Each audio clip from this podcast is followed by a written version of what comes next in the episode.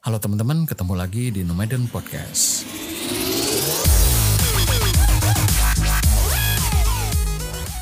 Podcast kecil-kecilan yang membahas hal-hal kecil di sekitar kita yang mungkin memiliki arti lebih dari apa yang sekedar kita tahu. Halo teman-teman, kali ini kita ngebahas tentang perkembangan rumor merger dua raksasa unicorn Indonesia yang rencananya bakal IPO juga atau melantai di bursa saham. Karena banyak banget nih teman-teman yang melek saham nungguin buat bisa memiliki bagian saham terhadap dua platform hijau ini. Gitu. Tapi sebelumnya, silakan teman-teman simak dulu update dari informasi seputar merger ini supaya lebih yakin kalau mau masukin mereka ke portofolio teman-teman. Informasi ini gue kumpulin dari berbagai sumber dan media. Jadi ceritanya tahun lalu berita yang justru bikin hore-hore itu merger antara Gojek dan Grab ya. Justru teman-teman masih inget nih. Jadi bayangin tuh, dua raksasa ride hailing yang marketingnya udah Asia Tenggara mau gabung di Indo. Gue waktu itu sempat berpikir, kalau dua aplikasi ini gabung, and then what's next gitu. Jadi aplikasi penyedia transportasi terbesar kah gitu. Entah juga ya, karena penasaran juga pengembangan mereka bagaimana kelak gitu kan. Karena mereka kan sama-sama aplikasi penyedia ride hailing terbesar ya, bergerak di sektor yang sama. Mungkin mereka punya rencana yang lebih inovatif di sektor itu, tapi ternyata akhirnya deal mereka gagal di last minute. Nah, setelah kabar selanjutnya mereka gagal merger, rumor berikutnya itu yang justru bombastis, yaitu merger Gojek dan Tokopedia. Nah, ini baru keren, karena dua aplikasi ini kan sama-sama dari Indonesia ya, dan apalagi emang dua aplikasi ini bergerak di sektor yang berbeda. Yang satu marketplace, yang satu ride hailing. Jadi kalau mereka memutuskan merger sih langkah yang revolusioner ya menurut gue. Karena bergerak di sektor yang berbeda. Jadi inovasi ekspansinya bisa lebih luas lah gitu. Terus gimana dengan e-walletnya? Gojek kan udah punya GoPay. Tokped pun udah punya OVO. Sama kayak Grab. Nah dengan merger ini, isu lama Gojek gagal merger sama Grab karena masing-masing gak mau ngalah soal e-wallet, jadi gak valid juga. Jadi ceritanya pertengahan Februari lalu, Deal Street Asia ngelaporin kalau Tokopedia mungkin bakal mempertahankan kepemilikannya di OVO dan tetap bakal sinergi sama GoPay. Ya seperti slogannya Tokped lah, pasti ada jalan. Sebagai konteks, Gojek punya 72% kepemilikan GoPay dan Tokped punya sekitar 38 sampai 41% kepemilikan OVO. Bahkan sahamnya mayoritas tuh dibandingin Grab sama Lipo ya. Nah, satu hal yang kita nggak yakin, ketika nanti mereka merger sebagai sebuah kesatuan, Bank Indonesia itu punya peraturan yang melarang satu pihak untuk punya kepemilikan mayoritas di lebih dari satu lisensi e-wallet. Jadi terbenturnya tuh mereka nanti di peraturan ini. Jadi sinergi OVO dan GoPay kayaknya bakal sulit terjadi tanpa ada pengecualian khusus dari BI. Padahal bisa aja kan dapat dorongan dari berbagai pihak dengan narasi ini akan jadi mega deal yang menggabungkan dua raksasa teknologi Indonesia dan kita harus dukung. Nah, mengingat investornya Gojek dan Tokopedia punya banyak kenalan dan relasi di level atas, pemerintah Indonesia, pengecualian khusus ini mungkin banget ya. Nah, ini baru kemungkinan pertama.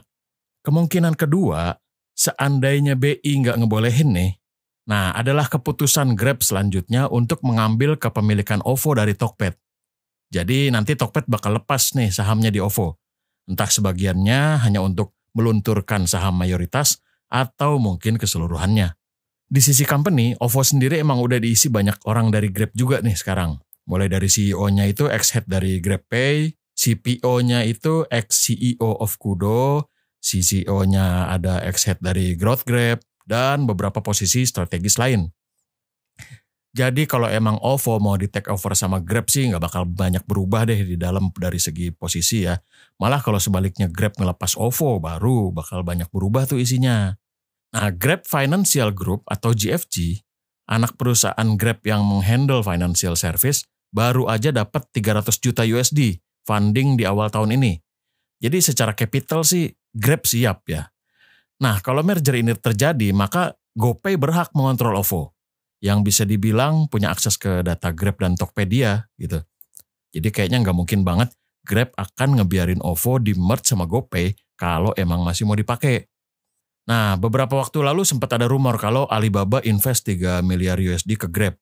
Juga ada dana yang diinvest sama N Financial. Jadi bisalah Grab mempertimbangkan opsi buat gantiin OVO dengan dana gitu. Kalau link aja sih kayaknya kemungkinannya kecil ya disinergikan. Soalnya kan baru dapat investment dari Gojek tuh kemarin. Walaupun tetaplah nggak menutup kemungkinan ya. Nah, ujung rumor dari semua ini akan bermuara pada pertarungan Gojek, Grab, dan Tokopedia melawan C Group, yaitu parent company-nya Shopee, terus Garena. Loh, terus masalahnya di mana gitu. Nah, jadi C Group itu tadinya startup yang biasa aja gitu ya, punya Garena Free Fire yang lumayan profitable dan Shopee sebagai unit e-commerce-nya yang sebenarnya merugi parah tapi bisa melesat menjadi most valuable company di Asia Tenggara. Buktinya kenaikan saham SE tahun lalu itu jauh loh lebih tinggi daripada Tesla. Nah, ini semua dimulai dari Shopee yang menendang Tokopedia dari tahta e-commerce nomor satu di Indonesia. Ditambah dengan Shopee Pay yang merangkak naik jadi salah satu top wallet juga di Indonesia. Ya kan, jadi OVO sama GoPay itu udah tereliminasi di situ. Apalagi baru-baru ini Shopee Food dirilis dan diprediksi mulai menggoyang GoFood dan GrabFood. Ya kan? Jadi kalau dilihat secara implisit, merger Gojek dan Tokopedia itu yang paling utama bukan karena sinergi, tapi desperation to fight on a battle of business. Ini adalah perang yang harus dihadapi. Karena Gojek yang tadinya penguasa mutlak transportasi dan food delivery kegerus jadi nomor dua di kedua aspek ini. Tokopedia juga semua tahu lah kalau dia udah gak lagi nomor satu kan. Jadi ibaratnya udah posisi kedua, sektor tempat mereka berada pun gak membuat mereka jadi nomor satu di masing-masing industri. Nah yang dikhawatirkan, hal ini membuat Gojek jadi nggak fokus karena malah ikut ke pertarungan mahal industri e-commerce, yaitu bakar duit habis-habisan dan menghilangkan peluang profitability dalam waktu dekat. Hanya aja, merger juga pasti berpotensi menciptakan sinergi. Dan itu yang akan diuji dan dipertaruhkan Gojek X Tokped. Lagi-lagi, keduanya raksasa dan mensinergikan bisnisnya akan makan waktu yang enggak sebentar. Nah, on the other side, ketika mereka berhasil merger dan IPO kelak, teman-teman harus tahu bahwa ada risiko yang bakal dihadapin sama perusahaan ini kalau teman-teman berminat meminang mereka sebagai portofolio saham. Karena cara berbisnis mereka yang masih bakar duit gitu dan masih belum mendekati profitability. Pastinya yang kayak gitu bakal bikin rapot merah di portofolio teman-teman. Karena ya emang bisnis model mereka kan berbeda dengan perusahaan konvensional yang udah melantai di bursa efek kebanyakan ya. Ya tapi itulah, yang jelas investasi apa pun selalu memiliki berbagai kemungkinan selalu pahami bahwa disclaimer selalu on ketika teman-teman memutuskan untuk membeli saham apa pun. Oke, segitu dulu sharing bisnis kita kali ini di ambang persatuan Duo Titan. Jaga selalu kesehatan teman-teman, stay sane, stay safe, stay positif, dan tes COVID negatif. Thank you banget udah mampir di Nomadin Podcast. Gue Indra pamit undur diri, dan kita ketemu lagi di episode selanjutnya.